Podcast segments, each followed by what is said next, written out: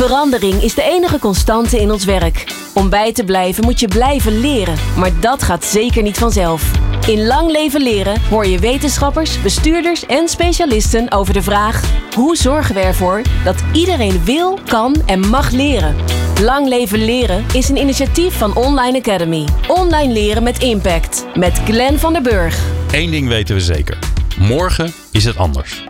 Ook wel VUCA genoemd. Volatile, dat is snel veranderend, uncertain, onzeker, complex, dat spreekt voor zichzelf, en ambiguous, dubbelzinnig. Een strategie of een visie is voor veel bestuurders vaak een middel om houvast te hebben. Hoe we er gaan komen is onduidelijk, maar de koers staat vast. En volgens professor Ron Meijer moeten we onze beheersdrang loslaten en ook strategisch wendbaar worden. Wat is die strategische wendbaarheid? Wat vraagt dat van een leider? En welke rol speelt het bij leren bij deze wendbaarheid? Samen met Tom Bos van Online Academy ga ik in gesprek met Ron Meijer. Hij is hoogleraar strategisch leiderschap aan de TIAS School for Business and Society. En ze zijn hier allebei in de studio. Tom en Ron, wat leuk dat jullie er zijn. Uh, we beginnen met een stelling. Dat is altijd fijn om het een beetje op scherp te krijgen. We hebben een leuk in het Engels. A non-learning culture eats strategy for breakfast. Nou, Ron, wat denk je? Daar kan ik het alleen maar mee eens zijn. Ja, en waarom is dat?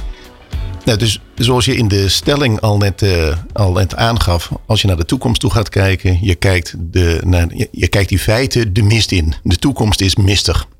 Je noemde het VUCA. En het is volatile, uncertain, complex, ambiguous. We kennen de toekomst niet. Die moeten we dus gaan ja, ontdekken. We moeten op explora exploratie gaan. En dat is leren. Ah, ja. Oké, dus, dus je, je, je gaat eigenlijk een soort van zoekend de toekomst in. Uh, strategie is niet het voorspellen van de toekomst, maar het, het, het ondergaan van de toekomst en sensemaking terwijl je erin loopt. Ja. Dus die Nederlandse uitdrukking die je in het Engels niet hebt, voortschrijdend inzicht. Ja, dat is natuurlijk een prachtige manier om samen te vatten waar het over gaat. Ja. Strategie is niet het kunnen weten wat de toekomst gaat brengen, maar een, een inschatting maken en dan de toekomst in durven lopen. En, en dan met voortschrijdend inzicht probeer te snappen. Wat, wat maak ik mee? Hoe, hoe kan ik dit vormgeven? Uh, moet ik linksaf, rechtsaf nog blijven rechtdoor gaan? En, en uh, op die manier eerder als Columbus uh, de toekomst vinden. Dan dat je hem van tevoren kunt voorspellen. En, en precies ja. de route er naartoe kunt uitstippelen. Ja. Ja, en dan helpt het wel als je kan varen en zo. Toch? Oh, ja, ja. Dus nou, je moet wel wat moet kunnen. Wel iets leren. Het helpt in ieder geval als je het roer blijft vasthouden. Dus Ja. niet denken, ja, maar ik heb de strategie al uitgezet. Dus ja, ik kan nu rustig een, eh, een, een, een glaasje whisky pakken. Ze automatisch piloot. Want ja, Ja. ik weet al precies waar we naartoe gaan. Nou, dat was alleen maar een inschatting. Ja. Eh, stuur blijven vasthouden, blijven meesturen. Aha. Maar is dat dan wat er vaak misgaat? Dat, dat de strategie een soort van heilig wordt verklaard? Dit hebben we bedacht. Dit is onze richting. Daar gaan we naartoe en daar wijken we niet vanaf. Ja, soms een tikje naar links en een tikje naar rechts. Maar we blijven die kant op gaan. Om allerlei redenen eh, krijgen die rigiditeit. Dat klopt. Het heeft te maken met eh, mensen die in hun hoofd eenmaal iets besloten hebbend. Denken, ja, als ik nou elke keer weer opnieuw ter discussie moet gaan stellen, vind ik heel vermoeiend. We, eh, we hebben ook heel veel discussies gehad. Maanden hebben we erin gestoken en we zijn we eindelijk op een strategie uitgekomen. Laten we nou in hemelsnaam dat blijven doen. En dan, dan praten ze dat goed door te zeggen van, nou ja, je moet dan je koers blijven vasthouden, niet te snel dus, uh, bijstellen. Maar het gaat in feite om ja, een mentale inflexibiliteit. Uh, we hebben er ook nog eens een keertje budgetten aan vastgehangen. Ja. Uh, allerlei uh, allerlei stakeholders hebben we eindelijk op een rij gekregen. Ja dan, ja, dan wil ik toch niet bijstellen als het even niet hoeft. Tom, jij, hebt, jij wilde Ron graag in deze aflevering hebben. Ja. Waarom is dat? Waarom dacht je, we moeten Ron hebben? Dat is een belangrijk onderwerp. Ja, Ron heeft een, een, een belangrijk ander perspectief, denk ik, dan alle voorgaande gasten die we tot nu toe gesproken hebben. En uh, ja, we gaan kijken of we dat natuurlijk boven water kunnen krijgen. Maar we beginnen goed. We hebben een hele hoop mensen gesproken, zeg maar, die, waarmee we het gehad hebben over een soort van de inhoud van leren. Over hoe je dat in een organisatie inricht. Over de politieke kant, hoe het gefinancierd moet worden. Van allerlei dingen die daarmee te maken hebben. Ja, dat hangt nog wel heel erg in de operatie, zeg maar. En de strategie die, ja, um, een oude bekende van me, die zei dan... Uh, of de olifanten nou knuffelen of, of vrijen of vechten, sorry. Het gras heeft er altijd last van.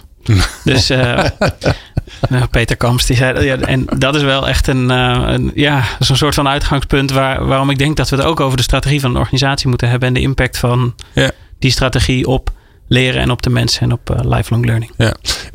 wat ik altijd mooi vind bij dit soort termen hè, is dat we dan gaan het over de strategie hebben.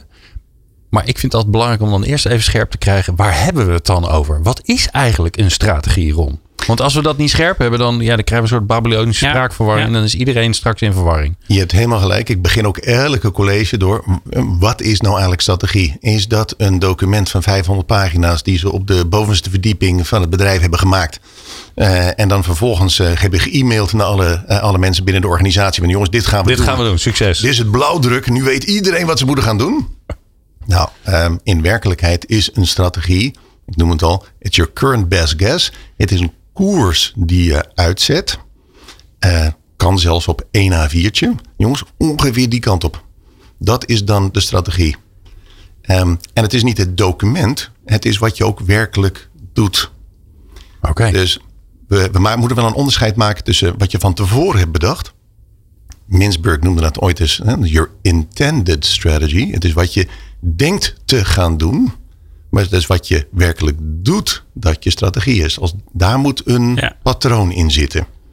Oké, okay, ja, dus precies. iemand die niet die documenten leest, die 500 bladzijden die, oh, die iemand eens een keer in elkaar heeft getypt, dat die leuke plaatjes die tegenwoordig gemaakt wordt, maar die alleen kijkt naar wat zijn mensen hier aan het doen, die moet eigenlijk daaruit de strategie kunnen afleiden. Daar moet een bepaalde een patronen, moeten keuzes in zitten. Het moet op een logische manier in elkaar steken. En of je dat nou hebt opgeschreven of niet, Sterker nog, je noemde het al op. Ja, als we het eenmaal opschrijven, dan gaan we eraan vasthouden.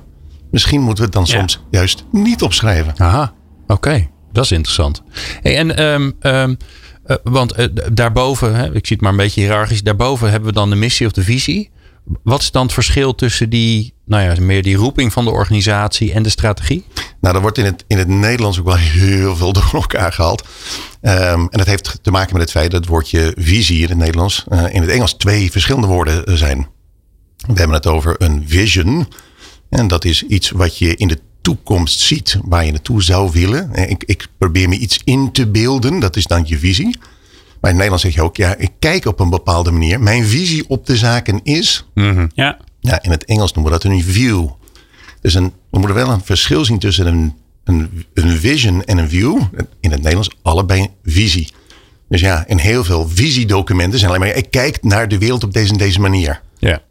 Dat is eigenlijk geen visie, vision do een, document. Ja, precies. Nee. Dus een, een vision is een, een bepaalde richting. Iets dat je in de toekomst waar je naartoe streeft. Daar kan je ongeveer op aankoersen. Maar het is iets dat je in je ja, your mind's eye je probeert voor te stellen. Dus geen stip op de horizon. Die heb ik ook heel vaak in het Nederlands gehoord. Ja. Stip op de horizon. Maar ik zie geen horizon. Want als ik naar de toekomst kijk, ik vaar in de mist. Nou, er is geen horizon. Dus ik, de toekomst is heel mistig. is heel VUCA, zoals je al aangaf. Dus ja, ik, ja, ik moet wel een gevoel van richting hebben. Waar ligt ongeveer het westen? Ik ga ongeveer naar het westen. Ik probeer me voor te stellen hoe die toekomst eruit ziet. Dus dan moet ik ongeveer die kant op. En dan moet ik zoeken en leren. Ja, ja. En die, en die visie is dan dat je, uh, dat je een, een, een, een wereld voor je ziet. Dat je zegt, oh, ik zie dit vraagstuk in de maatschappij. En ik wil bijdragen aan eenzaamheid. Of ik wil. En daar heb je een beeld van hoe, hoe het zou moeten zijn. En daar werk je dan aan. En dat is dan je visie. Ja, en dat, dat zou zelfs concreter. Ik, ik denk dat we deze en deze producten zouden kunnen ontwikkelen. Of uh, ik zou een elektrische auto die er ongeveer zo uit zou kunnen zien. Dus je probeert je te verbeelden hoe het over drie tot vijf jaar zou kunnen zijn. Ja. Je missie is, dat is iets dat je nu al bij je hebt. You're on a mission. Dat is niet een opdracht. Ja, de militairen hebben dat woordje missie uh, gekaapt. Ja. gekaapt van, van de oorspronkelijke bedenkers. Dat waren namelijk de kerk. Ja, de missionarissen. En de missionaris ja. had een missie. En dat was niet een, een soort, ik ga 82 mensen proberen te bekeren. Ja, er stonden geen KPI's in. Nee, de, de, ja, ja, een, een, missie was een opdracht, komt ook van het Latijnse woord, voortstuwen. Dus hetgene dat je hebt, dat je, dat je omarmt, een opdracht die jou voortstuwt, die je een reden geeft om op pad te gaan. Dus in zoverre missie perkt wel af wat je overweegt, maar het zegt niet waar je naartoe gaat. Oké. Oké. En de strategie is hoe je jezelf vooruit gezien te krijgen. Precies, de, de strategie is de koers die je dan vaart. Ja. Als je dan je, je probeert die visie na te streven. Ja, als ik, naar, ik ben Columbus. Ik wil de, mijn visie is. Ja, ik wil de kortste weg naar India vinden. En, en ik denk dat die in het westen ligt. Nou, dat is mijn visie. Ja, en, ja, en ja, dan ga ik op pad. Ja. En dan ga ik kijken wat ik dan tegen ga komen. En je weet in ieder geval dat je naar het westen moet. In ieder geval een stukje. Want als je, als je geen enkele visie hebt, ja, dan, dan, dan vaar je de haven uit en denk je, nou, eens even kijken hoe staat de wind. Misschien naar het noorden, misschien naar het zuiden. Ja, dan kan je alle kanten op. Dus die visie die geeft je wel die richting. Maar dan moet je durven te gaan experimenteren. Je moet gaan durven dingen uit te gaan proberen. En vooral leren van wat je tegenkomt. Nou, daar zie je de verbinding tussen strategie en leren. Ja. Ja, en het vraagstuk wat ik al voel aankomen, en eigenlijk hebben we het al een beetje benoemd, is dat die strategieontwikkeling, hè, dat is een vak tegenwoordig, strategieontwikkeling, daar wordt lang over gedaan, want het is heel belangrijk. Maar als je ergens lang over doet en je moet het vervolgens gaan aanpassen, dan ga je het waarschijnlijk ook weer lang over doen om het aan te passen. Ja, dat- komt omdat er heel lang wordt gewerkt aan de documenten. Maar niet heel lang aan het op pad gaan en dingen gaan doen. Strategy is not what you say, strategy what you do. Nou, en dat betekent dat je eigenlijk zo snel mogelijk op pad moet gaan. Want zo ga je uitvinden wat er werkt en wat er niet werkt. Dat krijg je niet van achter je bureau zitten documenten te maken. Maar die, er is een veel te veel nadruk op het denken mede ingegeven door mensen zoals ik, misschien in het verleden, op universiteiten. Die zeiden, je moet een MBA doen, dan moet je heel veel onderzoek doen. En je moet een marktonderzoek doen, een concurrentieonderzoek doen. Je moet een heel dik plan maken. Ja, en, en, ga, en ga vooral niks doen voordat het plan klaar is. Want ja, stel je voor dat je een fout zou maken. En dan maken we, en dan gaan we negen maanden besteden. En dat wordt een fantastisch plan. Ja. Die verouderd is tegen de tijd dat die moet worden uitgevoerd. En uitvoeren, nou ja, de knappe koppen die het bedacht hebben, ja, die, die hoeven niet zo heel erg betrokken te zijn. Die zijn niet van het uitvoeren. Nee, nee, nee, nee, dat hebben we andere mensen voor. Oh ja. En als we het zelf nog niet helemaal hebben kunnen, goed kunnen bedenken, dan gaan we praten met consultants die zeggen: nee, nee, nee, nee nog niks doen. Want je, je moet het nog verder uitzoeken, want je weet nog niet helemaal hoe die trend gaat, ze- zich gaat ontwikkelen. We moeten nog meer onderzoek gaan doen. Ja. En maar als ik je goed begrijp, zeg je wel, we je moet het wel onderzoeken. Want het is niet zo dat je geen concurrentieanalyse zou moeten doen. Maar die doe je een beetje on the go. Begrijp ik dat goed? Nee, precies. Dus eh, let's not over-engineer. Ja. En, en vooral niet allerlei excuses bedenken waarom we niet op pad kunnen. Ja. Dus we, we moeten on the fly. En, en het liefst, hè, dat is eigenlijk die leercyclus die iedereen die de, deze podcast luistert ook wel zal herkennen. Je leert door te doen. Je moet wel. Ja. Je moet wel. Dus Ja. laten we op pad gaan. We hebben veronderstellingen over die concurrenten. En laten we die gelijk gaan toetsen. Dan gaan we wel uitvinden en dan gaan we het bijstellen. Ja. Maar je moet durven doen, ook al heb je nog niet precies door hoe die markt in elkaar zit. Voordat we, het, eh, eh, voordat we gaan nadenken over een middelgroot bedrijf eh, die, die op deze manier zijn strategie eh, gaat eh, bepalen, wil ik al bijna zeggen. Maar dat, dat klinkt alweer verkeerd in mijn hoofd. Maar daar komen we zo wel op. Eerst even naar jou, Ron. Want dit geldt natuurlijk ook voor het leven. Ja. Dus hoe pas jij ditgene waar je in gelooft en waar je van ziet dat het werkt, hoe pas je dat toe op je eigen leven, je eigen carrière? Ja, dat is wel, wel een aardig. Hè? Dus, eh, eh, Deze schoenmaker. Hè? Ja. loopt hij loopt die op oude vodden? Of, Ja. of eh, past hij het op zichzelf toe? Ja, of heb je een document van 500 Ja, pagina's liggen? Nou, dat, dat in ieder geval live. gelukkig Ja. niet. nee, maar je hebt eh, eh, helemaal gelijk. Het gaat erom en, eh, je, zo snel mogelijk op pad. eh, experimenteren, bijstellen, leren. Eh, dus eh, it's your current best guess. But that doesn't mean you have to guess. Dus je kijkt de mist in en je denkt niet van, nou, doe maar wat. Ja, inschatten, die kant op lijkt me het beste. Ik, ik, ik schat het zo in. Ja, en, en elk ondernemer zal het ook onmiddellijk herkennen. Ja, het is ondernemen betekent eh, gecalculeerd risico nemen, maar wel risico. Dus dan, we gaan op pad.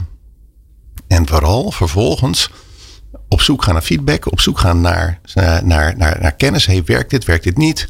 Eh, en af en toe your darlings eh, toch eh, daar afscheid van nemen. Om, als het niet lukt, dan lukt het niet. En dan gaan we iets anders proberen. Heb je nou een voorbeeld van, van want je bent en een ondernemend mens en je bent hoogleraar, wat dan ook wel een beetje spanning tussen kan zitten, kan ik me voorstellen.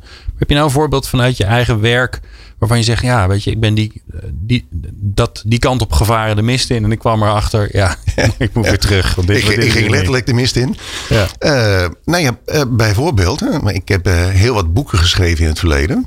Um, en ik merkte dat mensen toch in toenemende mate minder boeken gingen lezen. Dus mijn vorige boek, 2017, ja, ik was er zelf heel erg blij mee. En je, blijft ja, bij het oude. Ik denk, nou ja, ik ga weer een nieuw boek schrijven.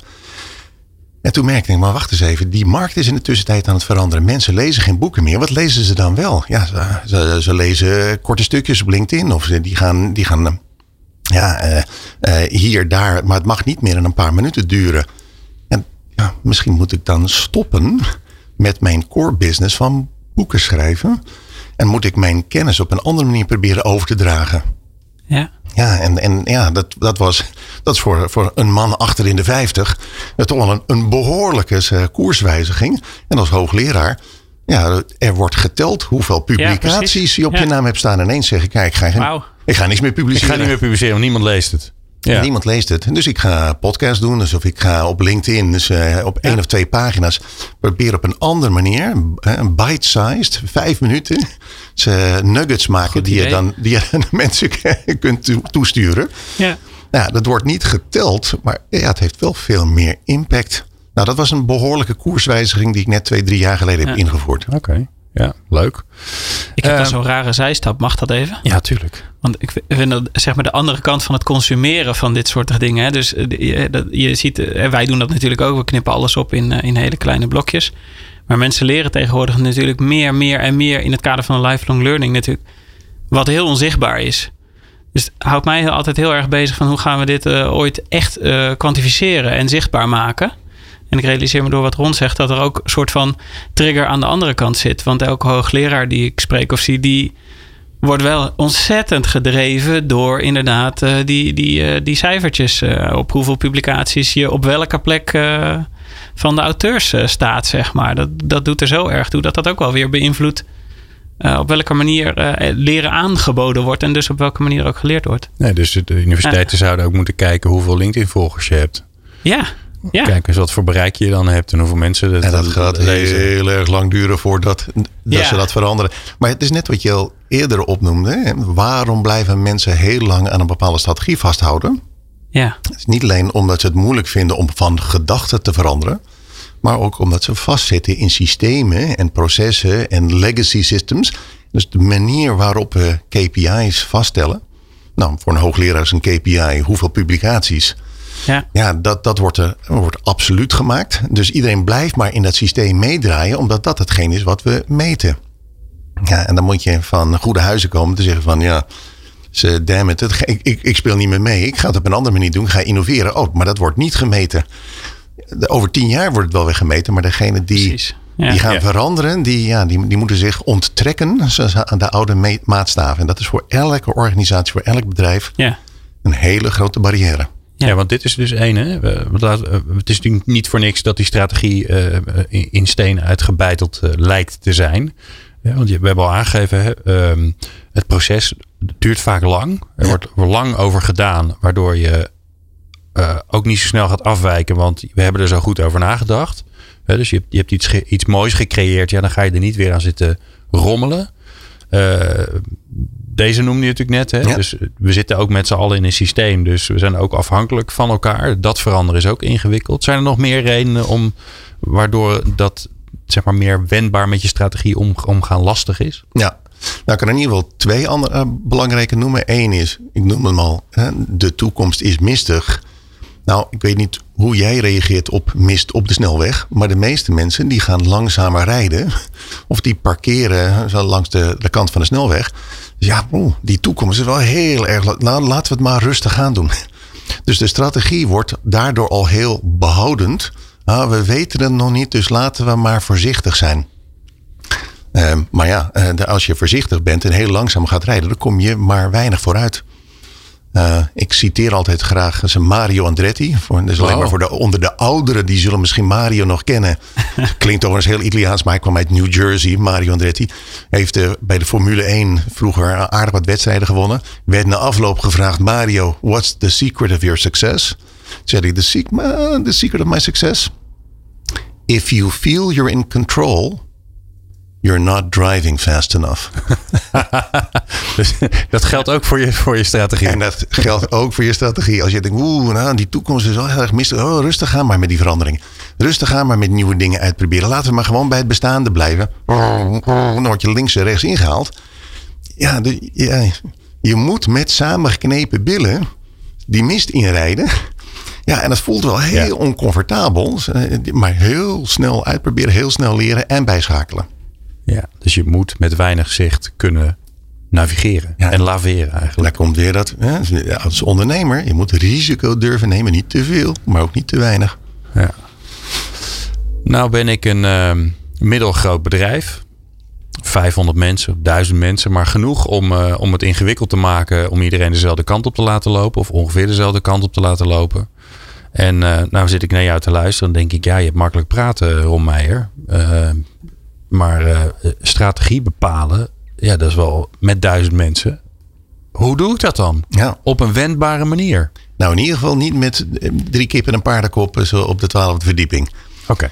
Want op het, ja, als je met een heel klein groepje maakt, dan denk je, hé, hey, dat gaat, het is lekker efficiënt. Lekker dan snel, kunnen we lekker ja. snel. We kunnen elkaar ook heel snel vinden. Ja, dan ben ik heel snel klaar met mijn strategie. Lekker efficiënt. Maar ik zei net, nee, maar wat op papier staat is nog niet je strategie. Wat op papier staat is alleen wat je denkt te gaan doen. Niet wat je werkelijk gaat doen. En ja, dan ja, een mooie, uh, mooie PowerPoints. Ziet er ook prachtig uit. Consultants hebben het nog een beetje gepimpt. Nou, ja. het, ja. geweldig. Death, death by PowerPoint. Dan, ja. dan gaan we een, uh, een town hall meeting gaan we organiseren. Dan komen die duizend mensen van mijn middelgrote onderneming. Die komen bij elkaar. Ik uh, presenteer daar in een uurtje met PowerPoint. Nou ja, en dan gaan we dat doen. Hè? Dus dan, ja. uh, dan, dan gaat het lopen. En die mensen in de zaal, die, die kijken naar die PowerPoints en die denken, ja, ja. Ten eerste denken ze, ja, ik snap het niet helemaal. Wat, wat, wat zit er nou achter? Hebben ze daar wel goed over nagedacht? Hebben ze dat, wat voor afwegingen, wat voor aannames zitten erachter? Jeetje, hoe zou ik dat in praktijk moeten gaan brengen? Ja, ik snap het niet helemaal. Maar in ieder geval denken ze, ja, het is niet van mij. Dat heeft iemand anders bedacht. It's, it's not my baby. Ja. Nou ja, weet je, ik, eh, ik loop gewoon mee en ik, eh, ik merk het wel. En dan merken we, hé, hey, we hebben implementatieproblemen. Dat is niet implementatieproblemen. Dan is het, nou, de, de, de, car needs to start driving. En we kregen geen grip op de weg. Ja, maar dat komt omdat je die mensen niet mee hebt gekregen. Maar het is een doodgeboren document. Ja. We denken, de strategie was er. Alleen in de implementatie gaat het fout. Maar dat is, daar zit de denkfout. Nee, het is pas een strategie als het in de hoofden en de harten van de mensen is en ze gaan er naar handelen. En dat gaan ze alleen doen als ze erin betrokken zijn. They who implement the plan must make the plan. En dit is wel mooi wat je zegt, hè? want dat, zeg maar, die lineairheid zit bij heel veel mensen volgens mij in de hoofd. Je bedenkt de strategie en dan ga je inderdaad implementeren, uitrollen naar al die andere termen die we ervoor hebben. Maar jij zegt eigenlijk, nee, je bedenkt niet de strategie. Je doet de strategie. En omdat je de strategie doet, ben je hem ook aan het bedenken. Want dat, dat, doet, dat hoort bij elkaar. Dat is één ding. Ja, als je een, een, een parallel zou uh, zijn als je nu naar de, de krijgsmacht zou kijken. Het, het beeld van een onderscheid tussen de denkers en de doeners. Dat was logisch in de tijd van Napoleon. Want dan stond Napoleon achter de troepen. Hij bedacht in zijn eentje of met een paar generaals wat de strategie zou gaan worden. En dan had je heel veel handjes en voetjes die je dan gingen uitvoeren. Die moesten vooral niet denken. Die moesten alleen maar bevelen opvolgen. Nou, dat is een tijd lang goed gegaan. Dus dat onderscheid tussen de denkers en de doeners. Ja, als je nu bij de krijgsmacht komt, en is al lang achterhaald. We hebben soldaten die, die geven een algemene opdracht mee. En dit is de visie. Dit is onze missie. Good luck. Yeah. En, je, en zoek het maar uit. En je wordt uh, gedropt. En, en zij moeten vervolgens zelf gaan nadenken. Ja, hoe gaan we hier vorm aangeven? Dus denken en doen, ja, dat wordt bij elkaar gebracht. En dat kan natuurlijk omdat we niet domme soldaten hebben die zelf niet kunnen denken. We hebben hele intelligente mensen die handelend kunnen optreden. Maar vertaal het eens naar een bedrijf. We hebben die, die duizend eh, mensen. Ehm, zeg jij dan, ja, dat zijn allemaal kleine compagnietjes. En die, die moeten allemaal gewoon zelf bedenken uh, welke kansen op moeten en welke strategie, nou, welke strategie ze hebben om dat uiteindelijk uh, die bij te dragen aan die missie of die visie? Ja, dus op, op ieder niveau moet iedere groep zelf nadenken over wat willen wij gaan bereiken met elkaar. Alleen het is zo dat je natuurlijk niet met duizend mensen tegelijkertijd bij elkaar zal gaan zitten. Je zal per niveau bij elkaar moeten gaan zitten. Dus op het moment dat ik voor het hele bedrijf een strategie, dan ga ik met het managementteam en misschien de laag daaronder bij elkaar zitten. Misschien dat het 15 personen. En we gaan nadenken over wat, wat willen we met elkaar voor, voor elkaar gaan krijgen. En vervolgens gaan elk van die onderdelen, die gaan zeggen: oké, dan zullen wij onder die paraplu moeten blijven. Maar daar moeten we wel invulling aan geven binnen onze afdeling. Dan moet ik weer alle mensen bij elkaar krijgen die dit moeten gaan doen. En die zullen samen moeten gaan nadenken hoe, hier, we hier invulling aan gaan geven. Dus onze eigen strategie onder de paraplu van die bredere strategie. Dus iedere afdeling, iedere groep mensen maakt hun eigen strategie maar niet helemaal in het luchtledige. Wel binnen de grenzen van het niveau die, die daarboven ligt. Ja. En ik zit dus in mijn hoofd nu te denken van hoe ziet dat er dan uit voor learning and development, zeg maar. Hè? Want dat wordt vaak in een soort centrale afdeling binnen grotere organisaties geregeld, ergens onder HR. Daar zit dan de learning and development manager met een aantal adviseurs. Die hebben verstand van, uh, van leren en ontwikkelen, zeg maar. Die weten hoe ze daarmee om moeten gaan. Wel, eh, hoe, hoe zie je dat ingepast? Zeg maar, de rol van dus een soort eh, expertise op het domein waar het over gaat. Ah, het, het Learning and Development Klooster. Ja.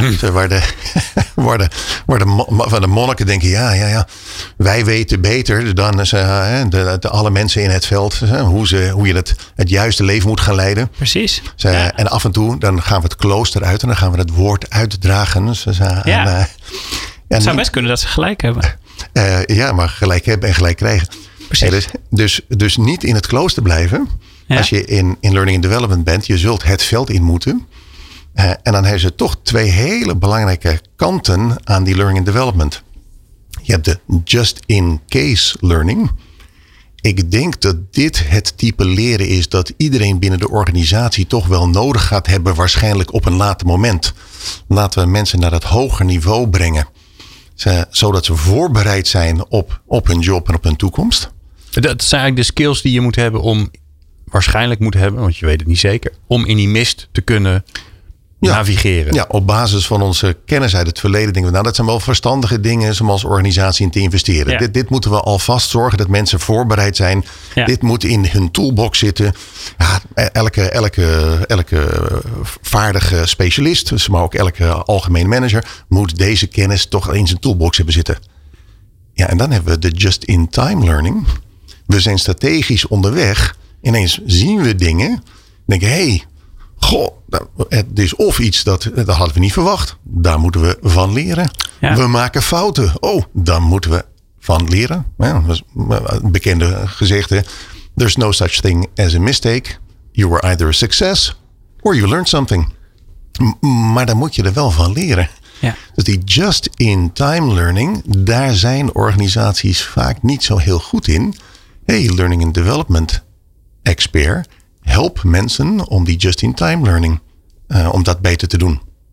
Nou, dat wordt nu af en toe met een Failure Friday zo wordt het georganiseerd. En dan gaan we, iedereen die gaat daar zijn, zijn failures met elkaar delen. En dan proberen we op die manier het leren te, te, bevorderen. We gaan best practices proberen uit te wisselen. Dan gaan we op die manier de learnings proberen uit te wisselen. Dat zijn allemaal hele specifieke learnings die we tijdens de rit met elkaar hebben opgedaan. Laten we daar zoveel mogelijk rendement uithalen. Maar dat faciliteren. Nou, als learning and development uh, expert betekent dat jij niet de kennis aandraagt, maar dat je het proces van leren gaat Ja. faciliteren. Hm. Dat is een ander type rol. En ik zie dat Ja. weinig gedaan worden door mensen uit L&D. Ja, ik denk dat dat best vergelijkbaar is met, eh, met het punt wat je noemt over de, de- zeg maar dat de strategie de uitvoering eigenlijk is. In, in learning and development, vandaar ook die, die eh, beginstelling. Daar wordt het eigenlijk altijd gesproken over het eh, building a lear- learning culture. Dat het zo belangrijk is om een leercultuur te creëren in je organisatie. Ja. Om zo lifelong learning te veroorzaken, zeg maar. Maar ja, het, het creëren van zo'n cultuur zit hem natuurlijk vooral in het soort van faciliteren van de context. Dus wij hadden altijd dat 70-20-10 model wat, wat hip was. Hè? Dat, 70% van het leren vindt plaats in, op de werkplek. Slechts 10% in, in formele faciliteiten. Nou, dat zal wel kloppen. Als je het onderzoek op de letter leest, dan staat er 70%. Daarnaast staat er een hoop aan te merken valt op dat onderzoek. Dat 70% van het leren vindt plaats door je werk te doen. Dat is heel wat anders dan natuurlijk werkplek leren of soort van met een coach op de werkplek of wat dan ook. Het gaat om het werk te doen. En we hebben dat onderzoek ooit eens gerepliceerd en er kwam heel duidelijk uit: als je dat wilt beïnvloeden, dan moet je de context veranderen. Misschien lekkerdere koffie zetten, andere werkplekken creëren. Of nee, maar hele praktische dingen als je die context verandert. En, en ik denk ook wat, uh, wat jij net zei, Ron, over een soort van de, de, de manier van meten of de, de, de KPI's of de, ja, het systeem. Uh, zorgen dat je niet vast komt te zitten in het systeem als je je gedrag verandert, zeg maar. Dat speelt volgens mij een veel grotere rol in een soort van leercultuur veroorzaken eigenlijk dan dat je nou kan zeggen, we gaan inderdaad gewoon een hele hoop groepjes uh, training organiseren of zo. Ja. Het is natuurlijk de valkuil van elke expert. Ik, ik weet het beter. Ik ga nu in de lead, ik ga jou dit nu aanleren. Overigens, het is dezelfde probleem natuurlijk van de meeste strategen. Ja, ik weet beter dan jij. Ik zal die strategie voor jou gaan opstellen. En dat zijn die twee kippen en een paardenkop die op de twaalfde verdieping dat, dat, die documenten gaan maken. Ja, of dat je er een consultant voor inhuurt. Of dat is helemaal mooi, dat, helemaal. iemand van buiten jouw strategie gaat bepalen. Don't ever outsource your strategizing. Dat moet je zelf doen. en je moet het zelf... En je kan het wel laten faciliteren. Dus een procesbegeleider die dat wel vaker heeft gedaan. En die jou daarin kan aanjagen, kan helpen. But you have to make your own strategy. Ja. Dus als je bent de expert en je gaat al heel snel op de inhoud proberen de expert te maar je moet op het proces de, de, expert zijn. Dat moet een stratege doen. Maar iedereen in HR, dat herkennen we toch ook al. Voor je het weet, je zit in HR, ga jij de human resource activiteiten doen. Maar, maar die mensen zijn niet van jou. Jij moet het proces faciliteren. Je moet vooral zorgen dat die mensen ja, in de organisatie blijven. En het manager zich daarover blijven bekommeren. Laat het niet outsourcen naar jou toe. Blijf het op het proces zitten. En ook in learning development op het proces, op het proces, op het proces. Niet overnemen. Ja. En ik, wat ik je hoor zeggen, Ron, en dat vind ik wel mooi. Dat als je, dat, als je strategie meer gaat doen in plaats van gaat denken.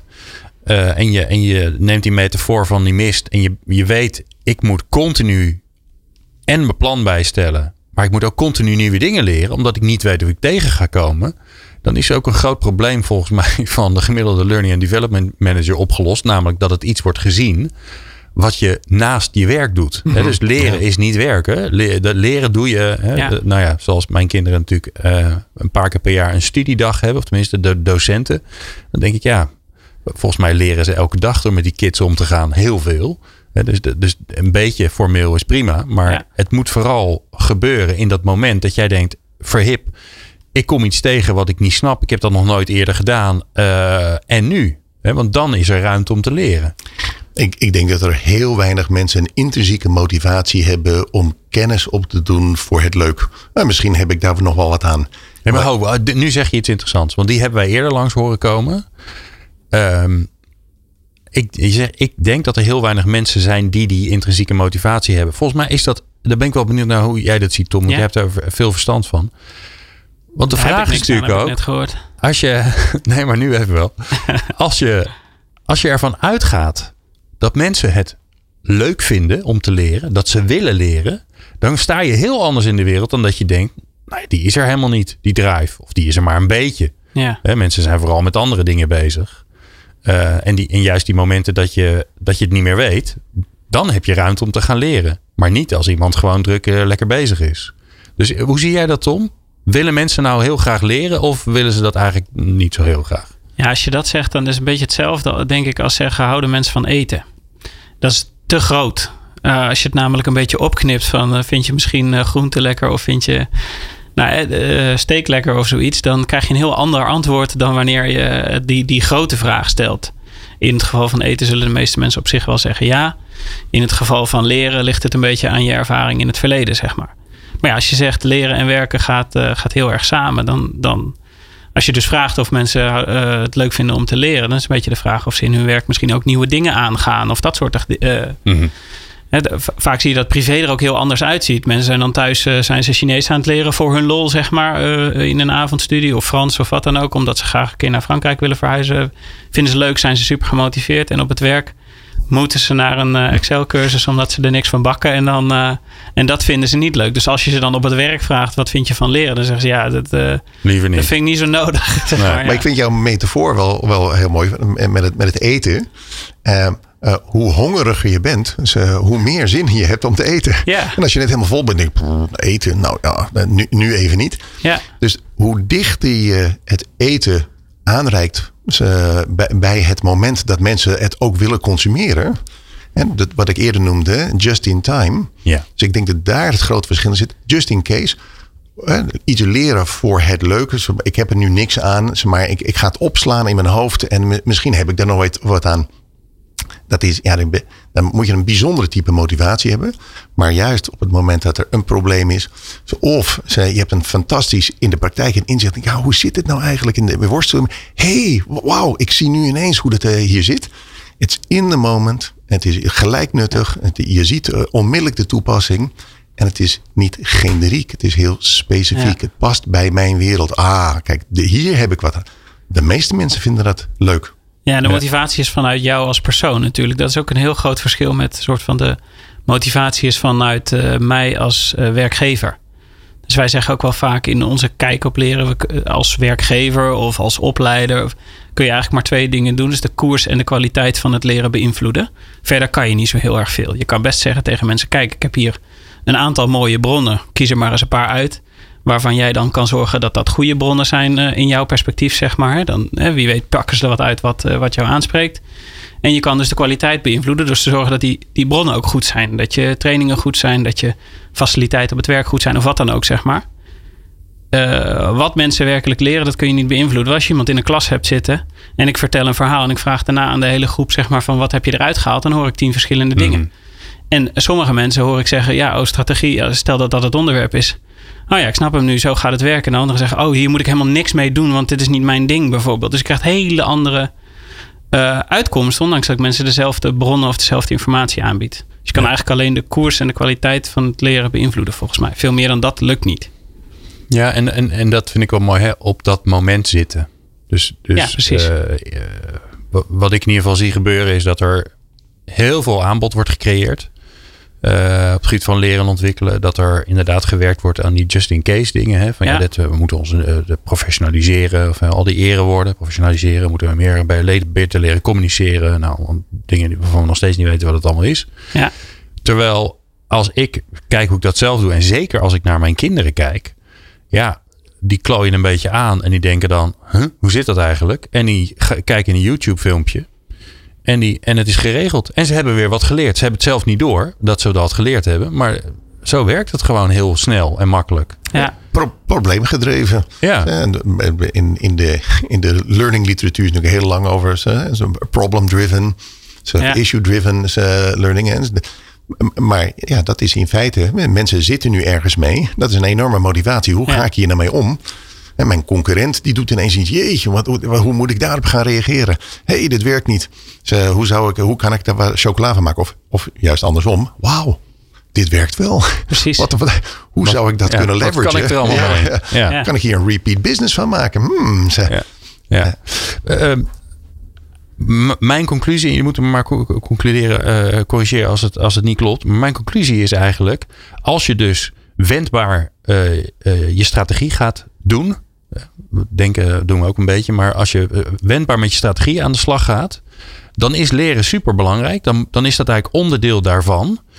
De vraag is natuurlijk wel, als je nu aan het luisteren bent en je bent learning and development specialist of uh, je, je, bent met HR bezig. En dan denk je, ja, uh, dat, dat zou mijn leven een stuk mooier en, en, en makkelijker maken.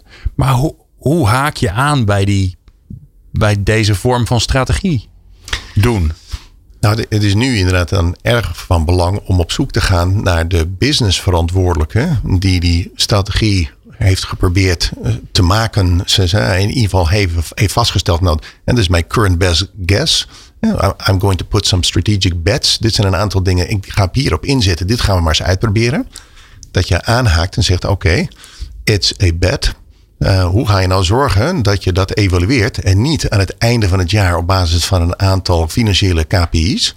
Maar hoe ga je nou zorgen dat je na een paar weken uh, al het net ophaalt en zegt: hey, er zaten een aantal aannames achter. Klopt dat? Wat voor nieuwe inzichten? Ik kan jou helpen zo, om te evalueren tijdens de rit. Ja. Want en, en dat is het constant bijstellen. En je bent op de snelweg in de, in de mist aan het rijden. Je houdt het stuur vast. Je bent constant die leercyclus. Wat neem ik waar? Hoe zit dat? Moet ik bijstellen? Wat voor nieuwe inzichten? Nou, je kunt iemand in de business daarmee gaan helpen.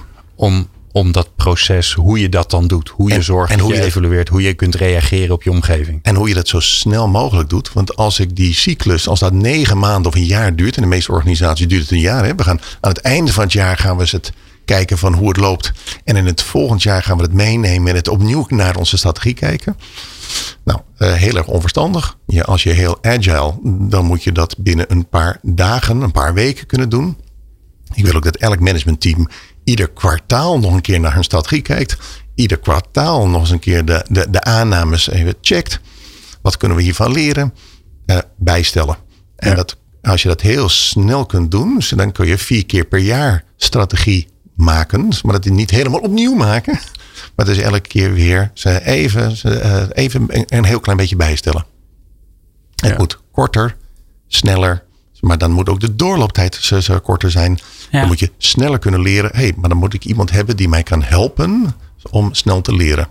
Ja, en het zit natuurlijk in de, de agile werkmanieren. In Scrum zit het ingebakken. Een sprint van twee weken. Aan het begin stel je je doelen, je strategie vast. Aan het eind evalueer je om te kijken van oké, wat hebben we, hè, wat is goed gegaan, maar wat kan er ook volgende keer beter? Er is zelfs iemand die je daarbij gaat helpen. Je Scrum Master die gaat zorgen dat de omstandigheden beter worden.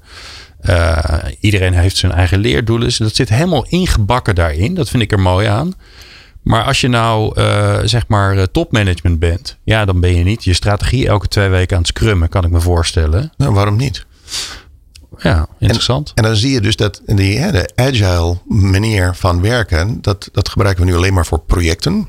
En, zo'n project, daar is al van tevoren vastgesteld. We gaan dit doen. We gaan dit stukje eh, software gaan we bouwen. We weten alleen nog niet precies wat erin gaat zitten en hoe het eruit gaat zien. En dat laten we dan gaandeweg ontstaan.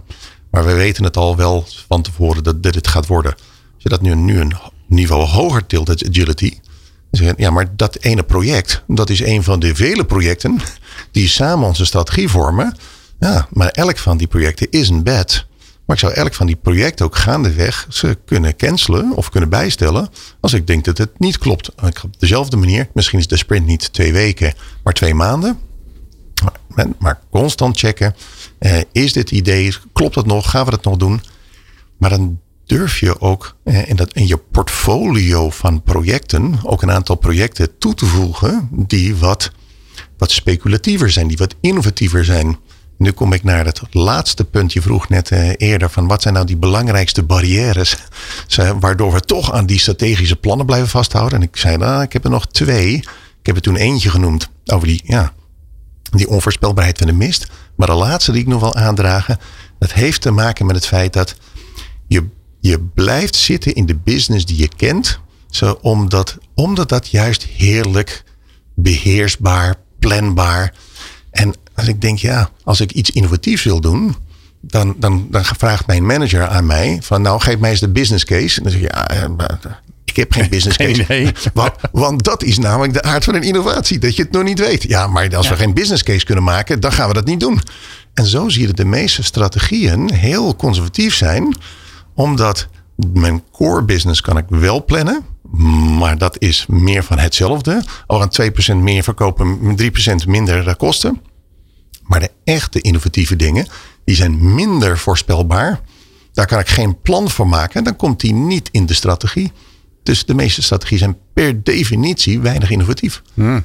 Dus zorg voor ruimte in je strategie. Je strategy is a portfolio of projects. Zorg dat daarin je allerlei initiatieven neemt. Een aantal safe bets, but also a few speculative bets. We gaan ook een aantal dingen uitproberen. Maar dan gaan we geen groot geld insteken. We zeggen, nou, we gaan het dus even uitproberen. Twee, drie maanden. En dan gaan we weer het net ophalen. En denk hé, hey, nou werkt het nou wel. Nou, we hebben er 10.000 euro ingestoken. Ik durf er nog wel 50.000 in te steken. En zo ga je, Ja. je ja, toch dingen uitproberen en van leren. En dan in toenemende mate steeds meer insteken als het succesvol wordt. Mooi. Ik denk dus dat het dan. eh, ik zit het meteen te vertalen natuurlijk. En naar, eh, naar mijn, collega Learning and Development mensen. Zo van wat, eh, wat betekent dit nou? En ik krijg dan wel vaak terug dat die, dat die afdeling, zeg maar, dat is natuurlijk typisch dan, maar dat die te weinig handelingsvrijheid hebben. Dus dat die de keuze helemaal niet kunnen maken om te zeggen, nou, ik ga er nog maar eens inderdaad eh, die, die tweede set met geld in uh, insteken of ik ga dat opbouwen. Ik denk dat het wel echt belangrijk is om soort van daar meer ruimte in te zien te claimen. Of, of dus meer betrokkenheid. Of is dat ook opgelost als de board uh, iedereen bij de strategie betrekt? Hè, dan dan is het wat meer organisch. Dan hoeft het niet zo in zo'n rechte lijn te gaan volgens mij. Maar het is wel echt... Als er die ruimte kan ik, ontstaan. Ja. En wat ik nu net suggereer is, de, de, innovatie staat vaak ook weer los van de strategie. Dat is ook weer een aparte afdeling. Ja. Ja. En ik zeg, nou maar innovatie is inherent onderdeel van je strategie. Daar moeten een aantal innovatieve projecten in zitten. En dan zou ik als L&D'er juist iemand gaan zoeken die met iets innovatiefs bezig is.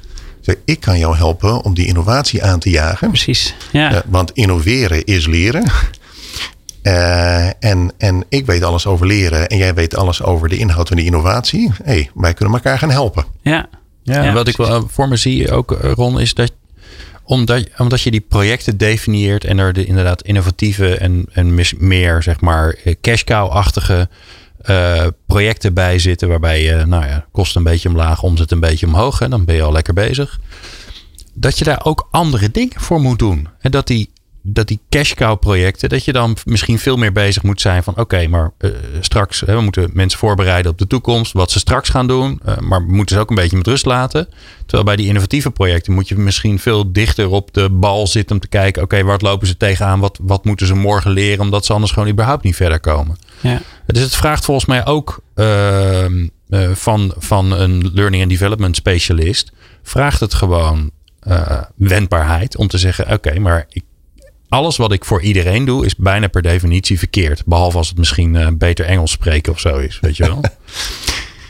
dat is altijd wel goed, ja. Ja, that's always a nice to have. Dat helpt om het verschil tussen uh, visie en uh, ja. kijk te maken. Ja. Ja. Nee, maar het is precies wat jij aangeeft. Um, uh, verschillende projecten hebben een andere status. Ik maak altijd een onderscheid tussen drie verschillende type projecten die in die strategie passen. Sommige van die strategische projecten, ja, dat is gewoon uitvoeren. Jongens, kom, dit, dit weten we zeker. Dit is een sure bet. We gaan het doen. Uh, dan kan het nog steeds agile worden uitgevoerd, maar we gaan het doen. Want het is in alle toekomsten is dit een goed idee. Execute. En sommige projecten, ja, die zijn toch wat speculatiever. Dat, noem ik een experiment. Die gaan we experimenteren. Dat is een ander leerproces.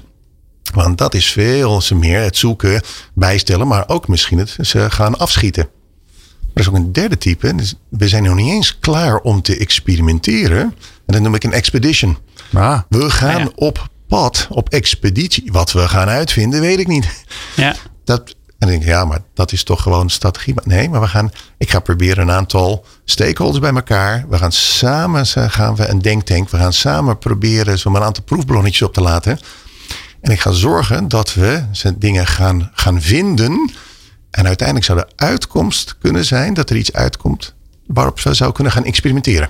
Oh ja. nou, het leiden van zo'n expeditie, volgens mij in, op het gebied van duurzaamheid moeten wij wel wat gaan doen. Maar wat, dat weten we nog niet. Nou, laten we op expeditie gaan met elkaar. En je gaat een, een leertraject begeleiden. Ook dat is strategie. Maar daar is wel heel veel leren uh, nodig. Ja. ja. ik zie daar wel een, een rol voor begeleiders. Wauw. Cool. Mooi, ja. Ik, uh, uh, uh, ik zie een mooie toekomst voor alle learning and development mensen. Die Nou, moeten hè? zich gewoon anders gaan noemen. Die gaan zich gewoon eh, strategy eh, executors gaan, ze, die- gaan, ze, gaan die zich noemen. Of expeditieleiders. Hè? Of expeditieleiders, om het maar even gewoon leuk in het Nederlands. Alright, ehm, super. Ik vond het onwijs fijn dat je er was. Ron Meijer, hoogleraar strategisch leiderschap aan de TIAS School for Business and Society. En Tom Bos, algemeen directeur van Online Academy. Dank jullie wel. Dankjewel. Dank je. Bedankt voor het luisteren naar Lang Leven Leren. Een initiatief van Online Academy. Meer afleveringen vind je in jouw favoriete podcast-app.